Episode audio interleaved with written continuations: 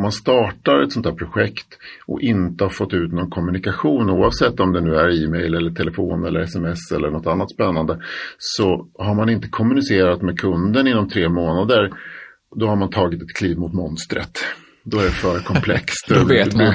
Ja, exakt. Eh, för att om man inte kommunicerar med kunderna på något sätt då får man ju ingen data tillbaks heller.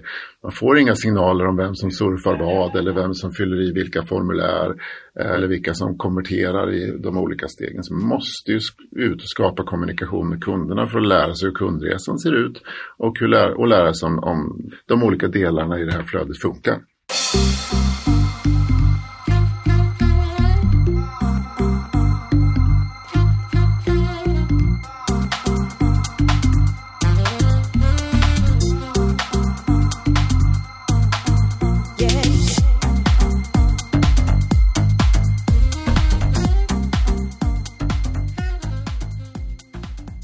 Välkommen till Digital marknadsföring med Tony Hammarlund. En podd där jag intervjuar branschexperter och marknadsförare för att lära mig mer om digital marknadsföring. Målet med podden är att lära mig nya ämnen, inspireras av andra marknadsförare samt ta reda på vad som krävs för att bli en digital marknadsförare i världsklass. I det här avsnittet pratar jag marketing automation med Martin Stenke som är en av grundarna till konsultbolaget Infunnel.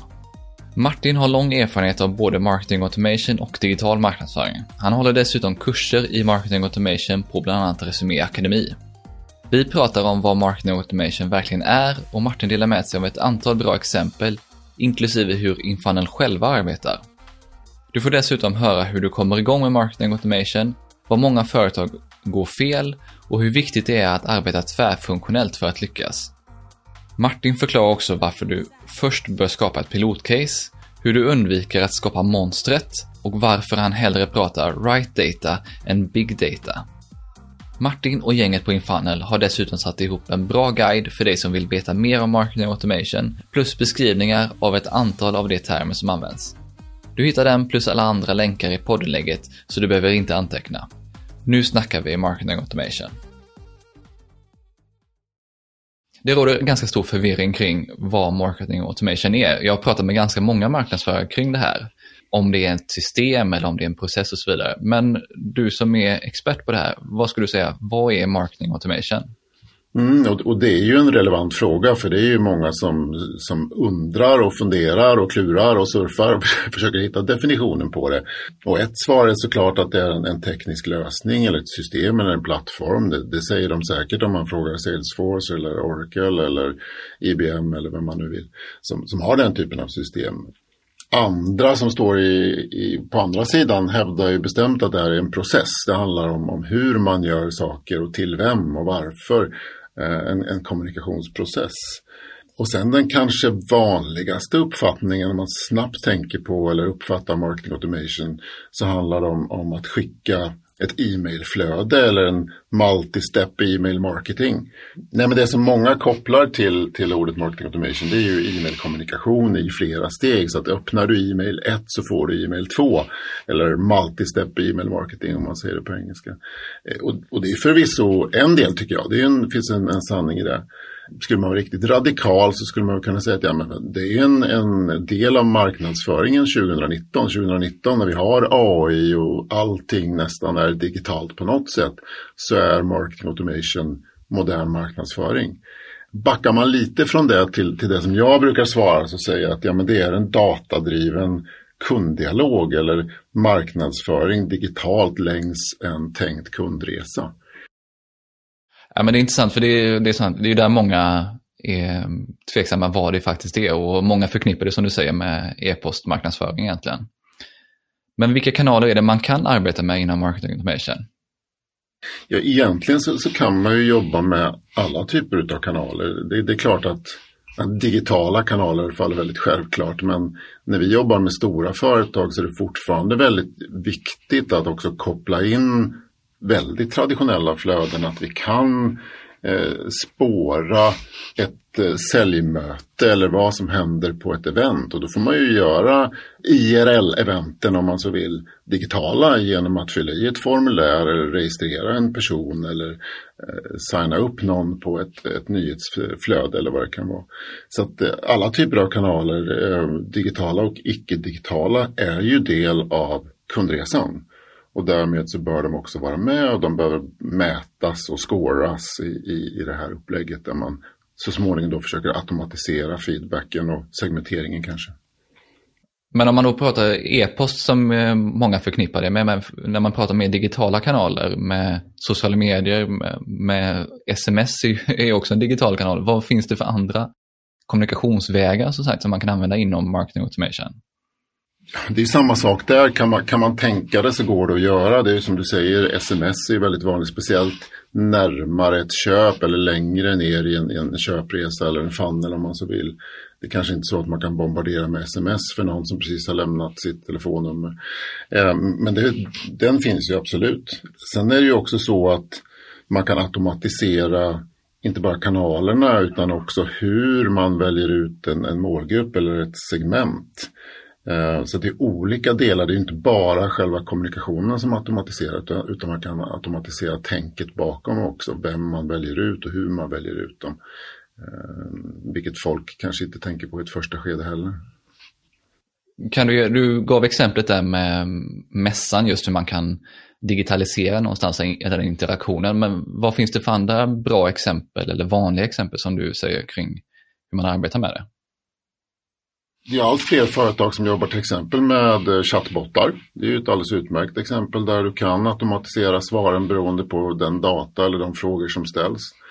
Då kan du ha information om en kund och du kan få ytterligare frågor till exempel i, i, i chatten som gemensamt analyseras och så får du fram ett automatiserat svar. Det är ju också en typ av marketing automation.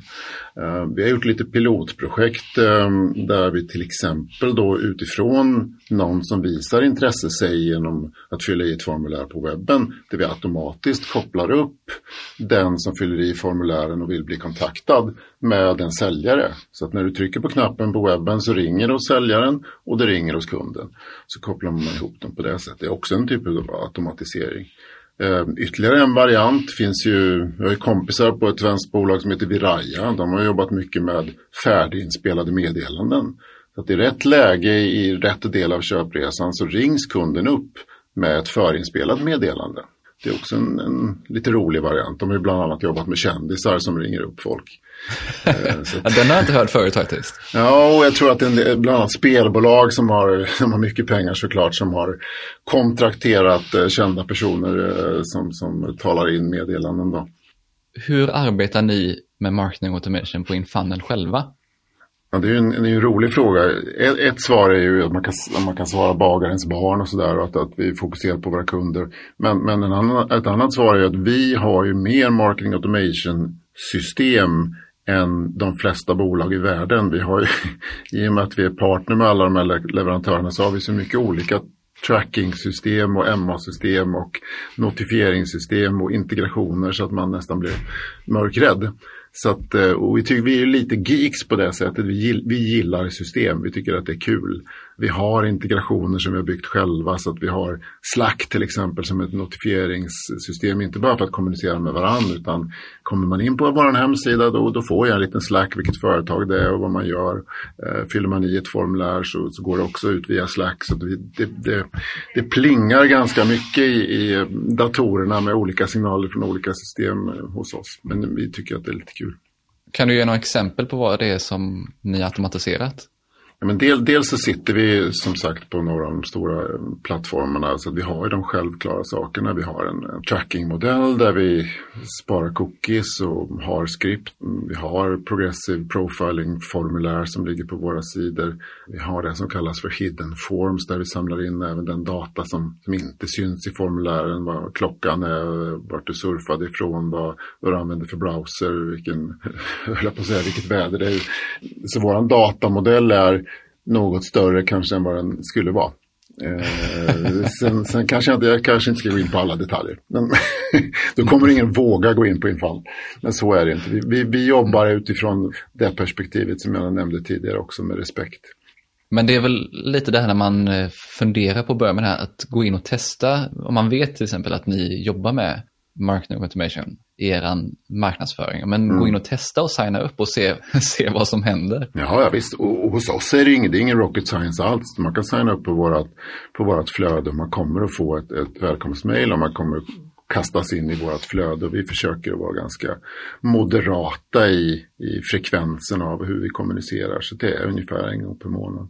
Ja, men det tycker jag själv, oavsett om det egentligen om det är marketing automation eller om det är något, någon annan del i marknadsföring som man vill se hur andra jobbar, att faktiskt testa.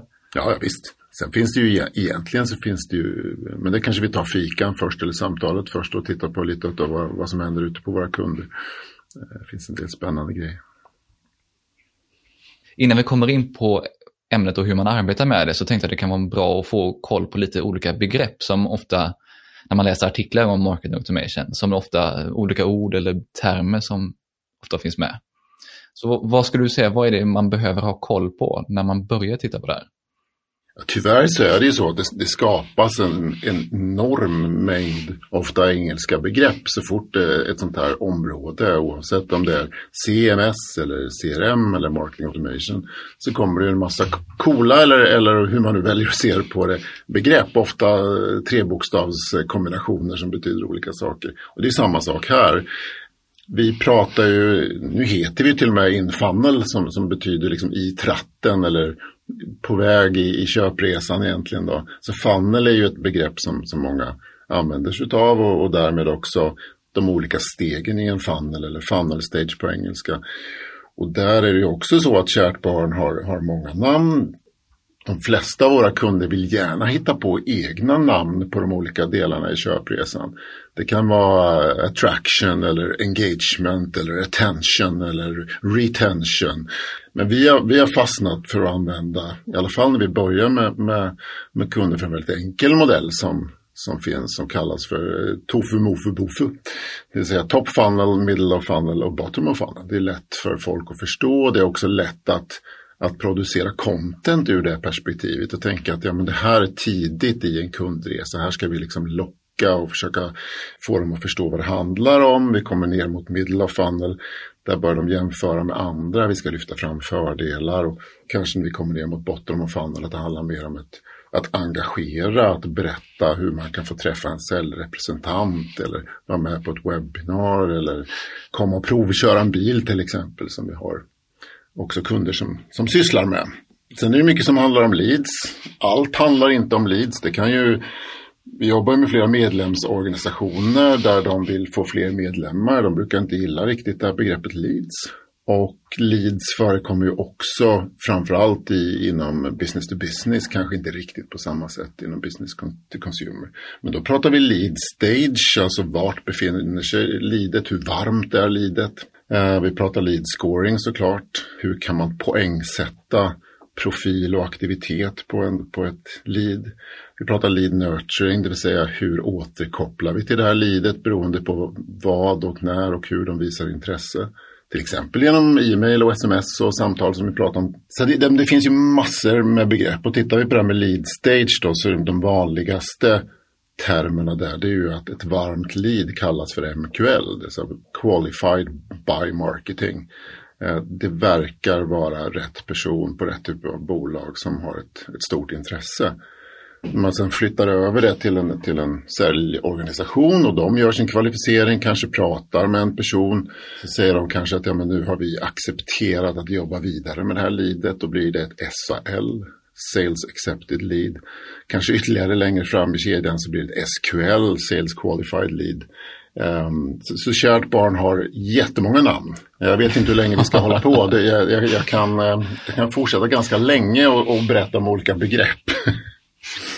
Ja, nej, men jag tänkte det, det, kan vara intressant att bara få koll lite för när man försöker läsa guider och, och annat om marketing automation bara så man hänger med lite i terminologin. Ja, Nej, men jag vet inte om, om du har möjlighet eller något. Vi skulle kunna sätta ihop en liten ordlista eller något och, och slänga upp på en webbsajt någonstans som en, eh, så vi kan hänvisa folk till. Absolut, vi kan ha det som en liten bonusresurs till Ja. eh, avsnittet, en content upgrade egentligen. Ja, precis, precis.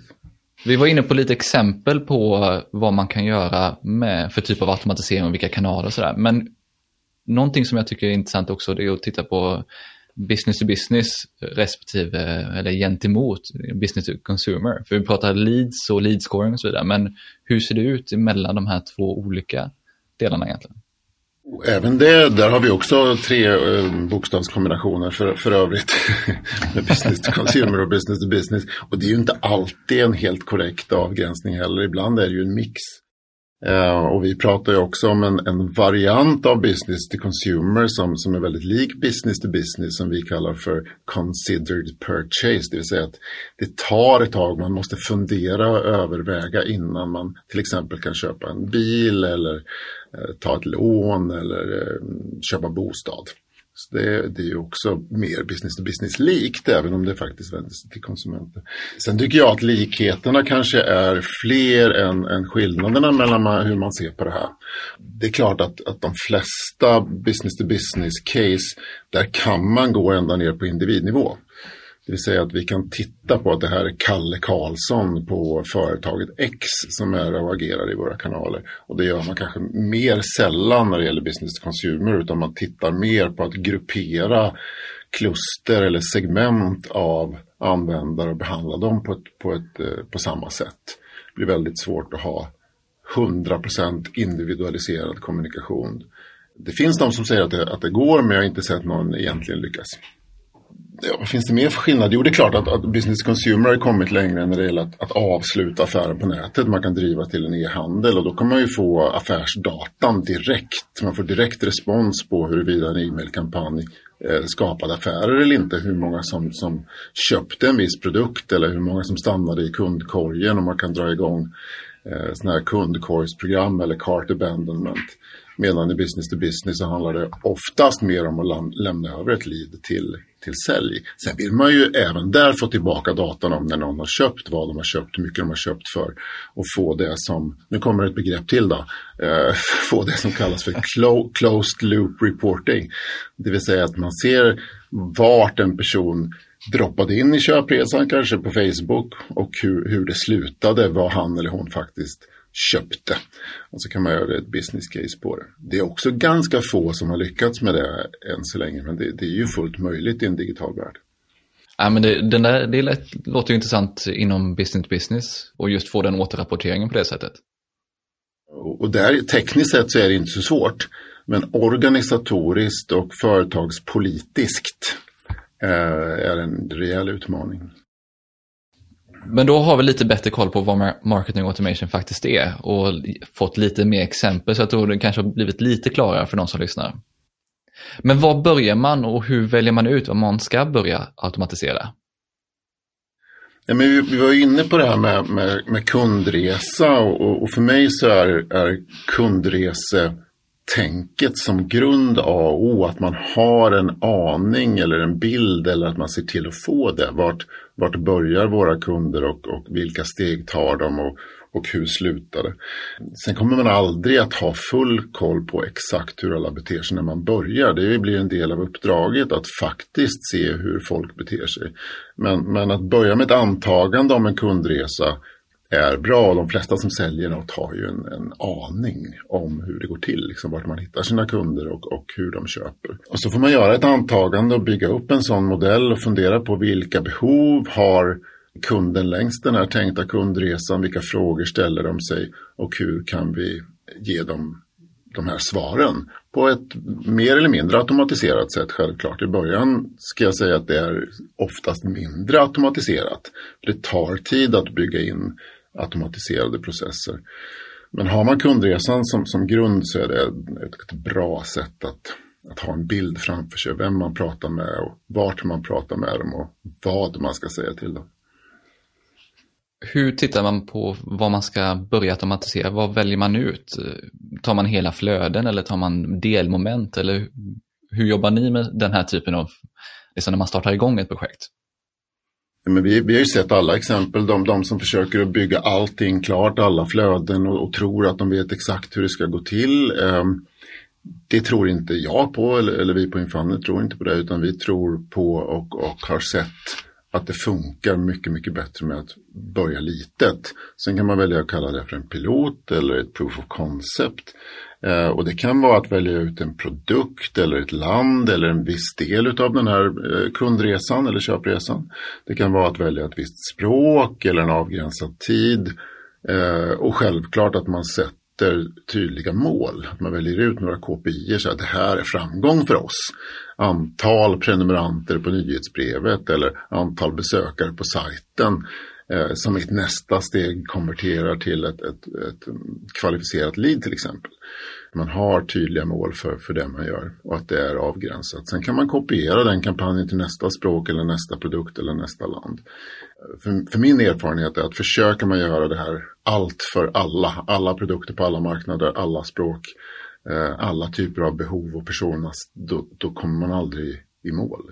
Man, man, måste börja litet och lära sig och sen eh, kopiera det som är bra. Är det det här du ser som många gör fel eller finns det några andra vanliga misstag när man börjar jobba med det?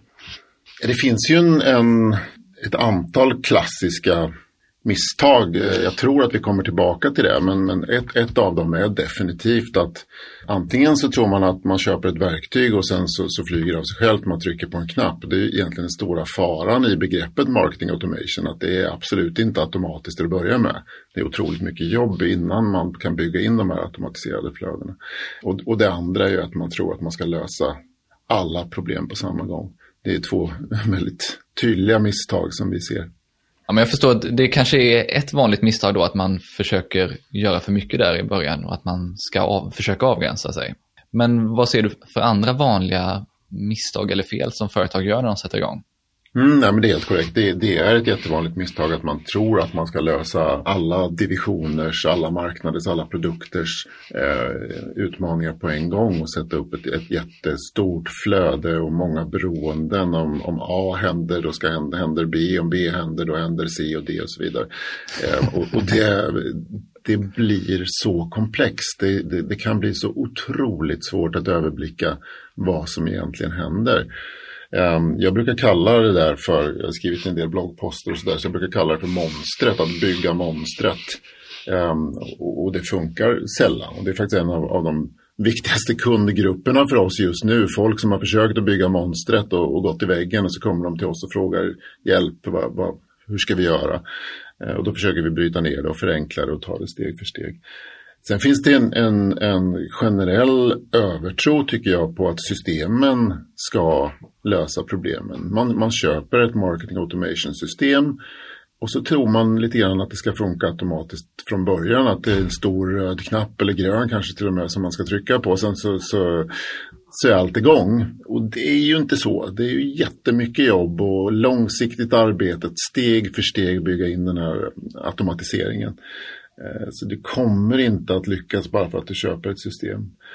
Eh, en annan så lite rolig grej som kanske inte bara gäller marketing automation, men det är ju att när man kommer in på speciellt lite större företag ehm, så säger de, det brukar ta fem minuter ungefär, så säger de så här, men vi jobbar inte så här. Nej, säger jag, det är därför jag är här. För att vi måste förändra hur ni jobbar eh, om ni ska jobba med marketing automation. Marketing måste faktiskt eh, prata med sälj och komma överens om vilka begrepp som gäller. Och IT måste faktiskt stödja marketing när de vill göra det här och hjälpa till med inköp och vara delaktiga i integrationer och sådär. Och sånt är ju problem för alla bolag hela tiden såklart. Men, men det blir så tydligt längs en kundresa där alla de olika delarna i ett företag bör eh, eller ska vara involverade. Eh, och det måste de om man, ska, om man ska skapa en hel kundresa som blir automatiserad. Har man då köpt det här systemet då säger man ju till, till sin personal, till marknadschefen eller marknadsavdelningen, men ni kan väl ta det här också. Kerstin, du kan väl ta marketing automation. Du har ju inte så mycket att göra. men det tycker ju inte Kerstin. Kerstin jobbar ju 120 procent med det som hon redan gör på det sättet som hon, som hon gör. Så det funkar ju inte heller. Man måste ju på något sätt ta bort någonting eller lägga till resurser för att få det att flyga. Ja, sista punkten som jag också noterar i, i många upphandlingsunderlag som vi får kring market automation, det står det så här, det är väldigt viktigt för oss att, det är, har ett, att verktyget har ett användarvänligt och snyggt gränssnitt. Och ja, det är klart att, att det är viktigt, men för mig så ligger användarvänligheten snarare i hur lätt det är att integrera eller hur man lagrar sin data eh, eller hur lätt det är att, att få igång en, en, en, automatiserad process. För jag skulle säga att jag ändå testat de flesta av de större plattformarna och det tar ju några dagar att, att få en första förståelse. Det tar några år att vara fullärd. Det spelar ingen roll om det är HubSpot eller Marketo eller IBM eller, eller Oracle. Det är komplext och det kräver att man liksom sätter sig in i det. Sen om det tar fyra dagar att få den här första förståelsen eller fem. Om det tar ett år och tre månader att vara fullärd eller om det tar ett år och fyra månader. Det tycker jag liksom, det ska inte vara det som man väljer system utifrån. Ja, men då har vi lite koll på var man börjar och vad man behöver ha på plats och lite vad de vanliga fallgroparna du ser. Men vad bör då en strategi för det här pilotcaset eller proof of concept innehålla? Strategi är också ett ord, det är nästan som marketing automation. Många har så många olika, olika åsikter om vad en strategi är. Men, men eh, för om vi tar det lite enkelt då så, så, tycker jag ju att det som vi nämnde tidigare, att det här med avgränsningar är jätteviktigt. Att vi säger att, det är, att vi gör en pilot, det är under den här tiden, det är den här produkten, det är det här syftet, det är på det här språket, i de här kanalerna till exempel, mot den här personen. Så, det, så man börjar göra en avgränsning. Eh, utifrån den avgränsningen såklart så måste man ju ha ett mål och ett syfte och, som, som nerbrutet då i, i mätetal eller KPI vad man upplever som framgång. Är det antal besökare, är det antal subscribers eller är det antal varma leads som man är ute efter i, i sitt första projekt? Det ska ju vara tydligt. Ehm, sen behöver man den här beskrivningen av kundresan som, som en grund. Det kan vara en skiss på en whiteboard, det går alldeles utmärkt. Men man behöver den visualiseringen för att se vart någonstans man ska stödja kunden och i vilka, vilka steg. Så att man behöver också dela upp den i, i, i de här funnel stages eller vad man nu väljer att kalla dem för. Sen när man har tittat på behoven och frågorna som, som kunden ställer sig längs den här resan och som man ska försöka då automatisera så behövs det ju också ett innehåll man måste ju ha någonting att svara med oavsett om det är någon som ringer och pratar eller om man laddar ner ett white paper eller om det är en film som löser eh, behovet eller svarar på frågan så, så måste man ju ta fram det. Och ibland så finns det content, eh, ibland så finns det inte. Ofta en kombination av att man kan plocka vissa saker som man redan har och vissa saker kanske måste produceras nytt. Sen bör man ju fundera på vad som, som är eh, viktigt i form av datasignaler. Och som vi sa speciellt kanske Mr Business att sätta en lead scoring modell. Att om jag öppnar mitt mail så är det värt 5 poäng. Om jag klickar i mitt mail så är det värt 10 poäng. Om jag är inne på webbsidan mer än 20 sekunder så är det värt 5 poäng och så vidare. Så man får en bild av vem som är intresserad och vem som är mindre intresserad och kan behandla dem på olika sätt utifrån eh, de signaler som de ger. Så lead scoring i någon bemärkelse bör man ha. Sen angående, nu kommer jag inte ihåg vad jag, vad jag kallade henne på marknaden, om jag kallade henne Kerstin eller vem det var som skulle göra jobbet.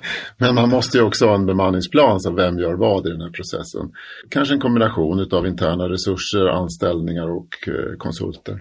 Sen får man ju välja sina eh, stridsarenor, det vill säga kanaler. Ska, ska det vara på webbsajten? Ska vi bygga en separat content hub? Ska vi försöka dra in trafik från Facebook? Eller ska vi fokusera på LinkedIn? Eller ska vi göra båda och? Och göra en, det vi brukar kalla för en distributionsplan. Vart någonstans hittar vi våra kunder i, i, digitala former och också fundera på det som vi sa att det kanske inte alls är digitala kanaler. Det kanske är i, i det personliga mötet eller på eventet som den första kontakten tas.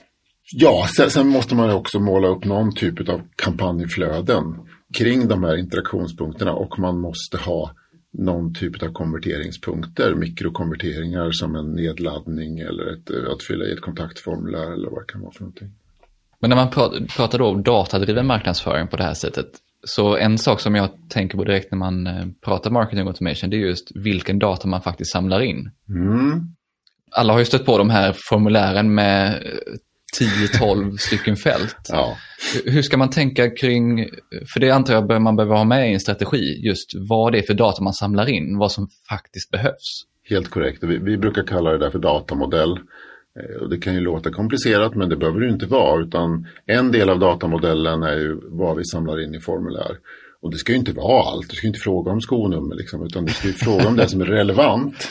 Och jag brukar säga att det som är relevant är det antingen därför att det går att segmentera på när du, när du, när du sen ska dra igång eh, återkopplingen. Eller så är det för att säljavdelningen säger att jag stänger affären om jag vet det här. Så det är antingen feedbacken från sälj eller hur man kan segmentera. Är det relevant att skicka ett e-post till exempel till alla som har en blå bil? Jag vet inte, jag tror inte det. Är det relevant att skicka ett mejl till alla som kör A-klass? Ja, det kan det vara. Ja, men då vill vi veta det. Uh, och sen är ju det här datamodellstänket handlar ju både om vad vi kan samla in ifrån, ifrån webben eller digitala kanalerna men också att koppla upp den data som vi redan har, till exempel från ett CRM-system och kombinera de här två för att ge en, en full bild. Men sen säger vi också det att hellre right data än big data. Uh, just ur perspektivet att ja, men, det går att samla in otroligt mycket. Det finns tusentals tjänster som laddar in data i dina system. Men vad är relevant för att du kan segmentera på det eller för att sälj vill ha det? Um, och då kanske man landar i ett pilotprojekt på någonting som, som kanske är 10 till 20 punkter. Och det är ju inte speciellt komplicerat egentligen. Men man måste göra det och man måste ställa sig frågan vad som är relevant och bygga den den modellen. Och sen som du sa, de här jätteformulären som man fortfarande hittar ibland. Eh, det kan ju vara korrekt i den bemärkelsen att det är något väldigt dyrt som du får när du fyller i det här. Det är till exempel då en en en timmes säljdemo eller vad det kan vara för någonting där det är relevant och liksom betala med mycket information. Man kan också tänka sig att man frågar efter olika mycket information i olika delar av köpresan. Det, det, det går att automatisera också, det kallas för progressive profiling. Eh, det vill säga att är man tidigt ute och sniffar lite grann och kanske ja, men jag signar upp på nyhetsbrevet och ser vad som händer. Ja, då behöver man ju bara fråga efter e-post. Du behöver inte veta eh, skonummer i det fallet. Då är det bara ett fält. Det är väldigt enkelt och eh, lätt att signa upp på. Sen så kan man ju bygga på. Har du signat upp på e-posten och sen så går du in och, och vill titta på en film eller ladda ner en pdf. Ja, då kanske du frågar efter namn och företag. Och på det här sättet, steg för steg, ju mer kunden visar intresse, desto fler frågor får men inte allt på en gång. Mm. Och självklart kommer du sen till det här stället där det långa formuläret finns och du redan har signat upp på nyhetsbrevet, laddat ner pdfen eller vad det nu kan vara för någonting. Då behöver du inte fråga de frågorna igen så då blir ju även det långa formuläret kortare. Mm. Fast intentionen att samla in allt i datamodellen finns ju där. Men vissa svar har du redan fått och då behöver du inte fråga efter dem. Det finns ett undantag faktiskt som är viktigt då. Det är att folk tenderar att glömma bort att de har lämnat sin e-post. Så att du bör, även om, om du ska ladda ner en, en, en jättestor inköpsguide till exempel, bottom funnel, eh, och vi har din e-post, så måste vi fråga om e-posten då, för annars tror inte du att du kommer få den. Så det är en, ett litet undantag. Ja, men det, det är intressant just eh, hur man skapar kundupplevelsen genom kundresa med vad man frågar efter och hur interaktionerna är. Man vill ju göra det så lätt som möjligt och så, så icke påträngande som möjligt och, och vara eh, respektfull brukar jag använda som en kontrast till, till spam och folk som tror att marketing automation handlar om, om, om det. Att, att skicka så mycket e-mail som möjligt. Utan den bästa effekten får man om man förstår sig på kunden och kan respektfullt se till att den informationen som, som krävs eller de svaren på frågorna som, som kunden har ett visst skede finns tillgängliga. Så att de knappt märker att de blir bearbetade så att säga. Blivit till och med Nobelpris här ganska nyligen då för, för ett koncept som kallas för nudging. Och det handlar ju mycket om det där att på ett fint sätt bara visa upp informationen på ett repetitivt sätt. Att ja, men här finns svaren, här finns svaren utan att slå i skallen på någon om man nu har den här, man har satt upp caset vad det är man vill försöka automatisera. Man har en plan eller strategi eller vad man nu väljer och kalla den här där man har spesat ner allt från vad man har för mål och KPI till vilket innehåll och vilken data man ska samla in. Hur börjar man implementera det här? Vi har ju gett en del av de svaren att man ska, att man ska göra det i en pilot eller proof of concept. Man ska börja litet, man ska avgränsa sig, man ska ha tydliga mål. Um, sen krävs det ju, skulle jag vilja säga, det, krävs mod. Ehm, det krävs tid. Och eh, faktiskt en jätteviktig faktor det är att det krävs förstående chefer. Det krävs, speciellt i stora bolag, att det här är prioriterat ifrån ledningen. För annars kommer man att springa in i väggen. Om, om man har initiativet från marknad till exempel och så vill man börja samarbeta med sälj och så finns det inget initiativ uppifrån som sälj, säger att de ska lägga tid på det. Då kommer det inte att gå. Så att förstående och, och pålästa chefer är faktiskt ett, ett, ett jätteviktigt. Um, sen är det ju såklart så att det underlättar att ha ett system, det här, vi, vi pratar om digitala processer, så att ett marketing automation system idag ger en stor, stor hjälp. Sen är det kanske så att du kan inte trycka på alla knappar på en gång. Eh, men du behöver ju titta lite grann på vad är vi för typ av företag, hur stora är vi? Eh, och, och, och, mappa det mot eh, ett systeminköp. Sen kan du bygga saker själv. Det mesta kan, går att bygga själv om du är ett utvecklarföretag. Eh, men där någonstans får man göra en avvägning vad det är värt att, att äga och driva det själv eller att köpa en färdig plattform som tusen andra också kravställer och använder. Ja, men det är intressant. Men, men då, då kommer vi in på det här med system och verktyg och så vidare. Och det finns ju, det finns ju hur mycket system som helst på marknaden och det är både då dedikerade marketing automation system eller eh, system som gör, eller verktyg som gör olika delar. Så men hur anser du att man bör tänka kring heltäckande system eller att bygga någon typ av marketing stack med olika typer av verktyg? Som jag varit inne på, det finns ju tusentals system idag som säger att de, att de har någonting med Emma att göra. Man kan väl säga att det är tre huvudspår utifrån en tidigare utveckling vad som, som har lett fram till att man kallar sig ett Emma-verktyg. Um, ehm, dels har vi eh, e-mail marketing-företagen. Det finns inte ett enda e-mail marketing-företag idag som inte har bytt till att vara ett marketing automation-företag. Och, och, det kan vara som svenska Apsis till exempel ett bra exempel. Vi har holländska Webpower som börjar ta mark här i Sverige också. Vi har Mailchimp. Alla de här är, började ju som ett sätt att skicka mail. Men idag så lägger de till funktionalitet för att automatisera i, i olika grader. Så man får ju se, är vi stora eller är vi små? Vilka behov har vi och vart, vart ska vi gå någonstans? Ska vi kanske bli stora? Det kanske, då kanske det är relevant att köpa något som är större. Den, den andra tydliga grenen kan man väl säga, det är CRM-systemen. Det är samma sak där idag, att man antingen slår ihop då CRM-verktyg med marketing automation-verktyg eller att man lägger till funktionalitet i, i CRM-systemen som man kallar för Marketing Automation-modul eller plugin eller sådär.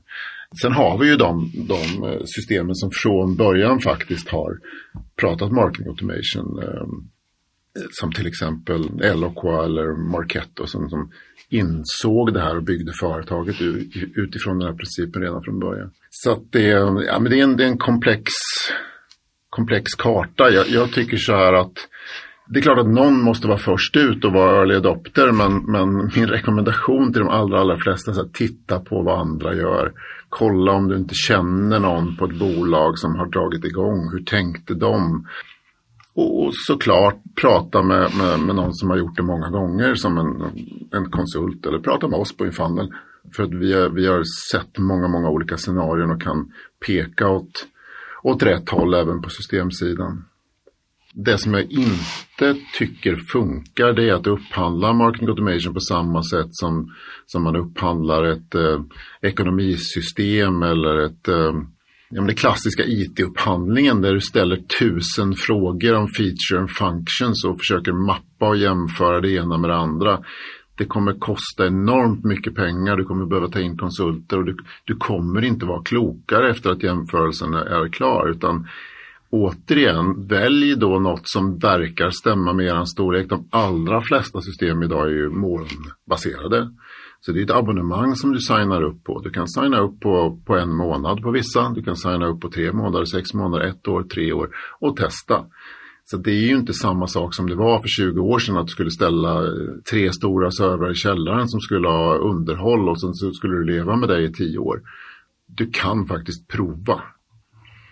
Men om man nu har det här, man har sin plan och man har ett verktyg eller flera verktyg på plats.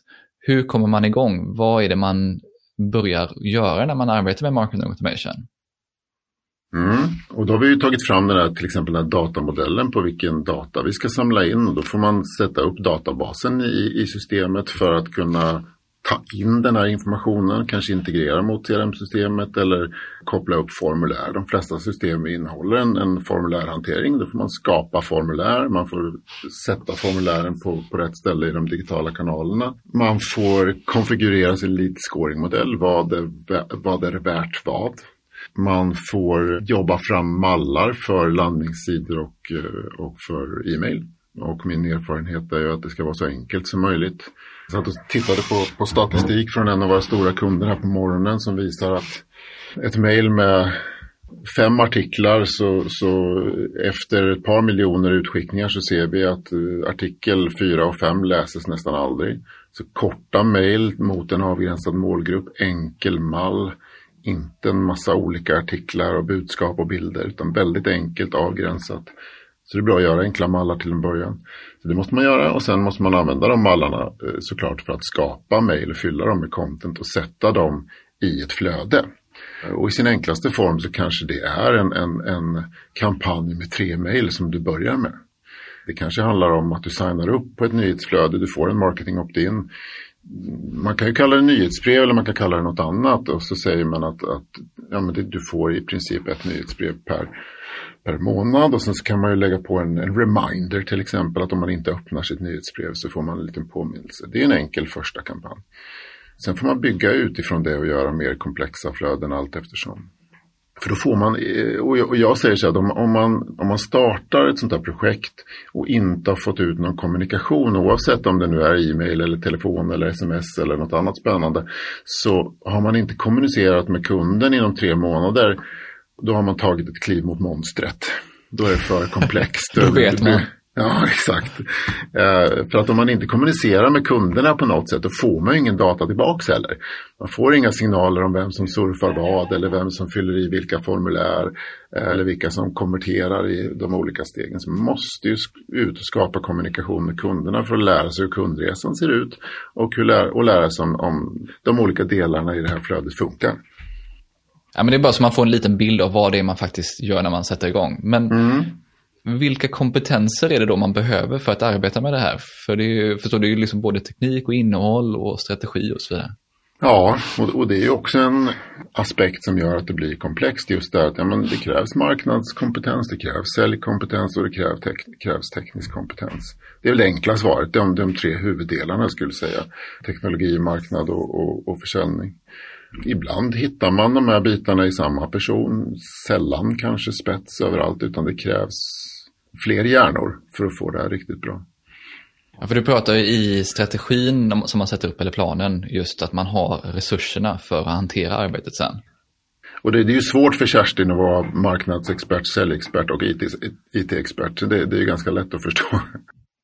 Kan man då implementera det här själv? Om man nu tittar på ett ett, mer, ett större system.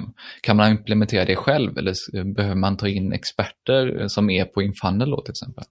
Är du ett litet bolag, om du, om, om du driver en, om din huvudsakliga syssla är att driva en, en, en podd till exempel. Det är klart att du kan göra marketing automation på ett väldigt enkelt sätt. Men är du ett, ett företag som är lite större med lite fler avdelningar där, där det krävs samordning. Då behövs det fler.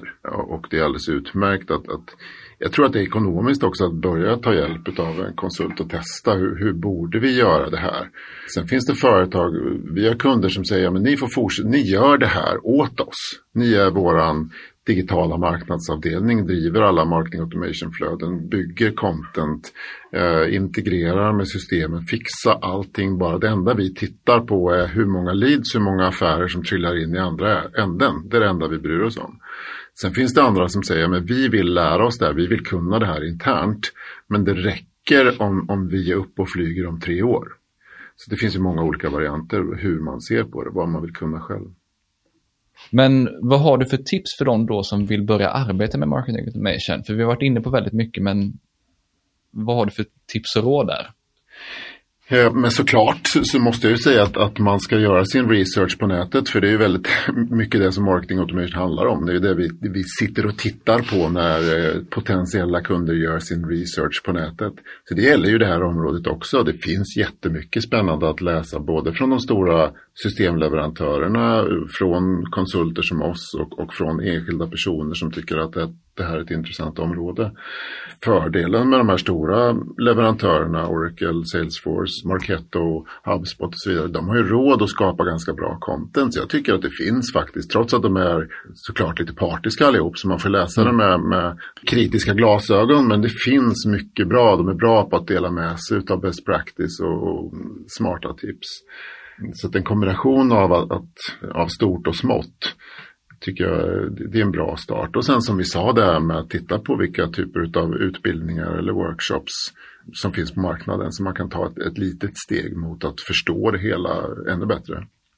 Ja, för du håller en utbildning på Resumé Akademi om jag inte minns helt fel Ja, precis. Och det är ju det är en, en, en heldagskurs. Och det kan man ju ställa mot till exempel Medieskolan eller UN Business School som kör två årskurser i marketing automation. Så vad hinner man lära sig på en dag? Men vi kör ganska hårt tempo, går igenom de sakerna som du och jag har pratat om lite mer i detalj.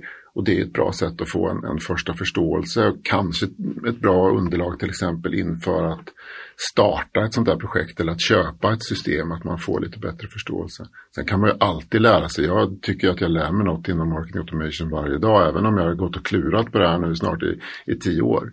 Så mm. att eh, utvecklingen fortsätter. Ja, men just att bli en bättre beställare om inte annat. Om, man, ja, men precis. om det är en större ja. implementation man ska göra. Exakt, det, det, det tror jag. Du sa att du, du lär dig saker hela tiden om marketing automation. Vad, vad är det senaste du känner, den senaste insikten som du har fått kring området? Ja, en insikt som jag fick igår. Jag satt och, och ute hos kund och lyssnade på faktiskt på en, en av våra konkurrenter, en europeisk konkurrent från ett annat land som beskrev en, en onboardingprocess. Då. Eh, de visste ju kanske inte att jag satt där i bakgrunden men det var att väldigt många fortfarande har en, en och lär ut, ska jag säga, att marketing automation är multi-step email marketing. Och att till exempel lead scoring görs på en kampanj. Det vill säga att du får under ett par veckor per månader en lead scoring, sen skickar de ett Excel till sälj och sen, sen är det dött, sen är det borta. Även i, i stora business-to-business-bolag får det, den råden. Medan vi ser på ett, på ett lead liksom som någonting som lever under lång tid. Det kan, intresset kan gå upp, det kan gå ner, scoringen går upp, den går ner det är inte någonting, du kan inte säga att någon är ett varmt lead för att de öppnade mail 1 och 2 och skickar dem till sälj. Det, det, det, kommer aldrig funka. Men det finns fortfarande en, en tro och ett praktiserande ute på marknaden. Kanske mer mot de lite, lite mindre systemen eller kring de mindre systemen. Där man, där man skickar fyra mail och sen ska det till sälj. Och det tycker jag är väldigt korkat. Det här området som här, det utvecklas ju hela tiden. Men vad finns det för trender som du ser inom marketing automation? Ja, men dels är det ju generellt så att, att den digitala utvecklingen överhuvudtaget går ju snabbt. Den går snabbare och snabbare hela tiden. Det, det är svårt och, och, jättesvårt såklart om man har andra upp, eh, arbetsuppgifter och sitter som marknadsförare att hänga med.